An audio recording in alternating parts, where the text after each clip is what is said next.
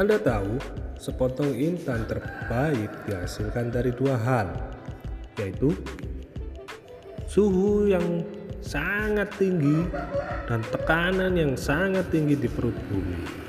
Semakin tinggi suhu yang diterima, semakin tinggi tekanan yang diperoleh, maka jika dia bisa bertahan tidak hancur, dia justru berubah menjadi intan berkilau tiada tara, keras kokoh dan mahal harganya. Sama halnya dengan kehidupan, seluruh kejadian menyakitkan yang kita alami, kekecewaan, semakin dalam dan menyedihkan rasanya jika kita bisa bertahan, tidak hancur, maka kita akan tumbuh menjadi seorang berkarakter laksana intan. Bersinar keras dan kokoh. Jadilah seperti intan.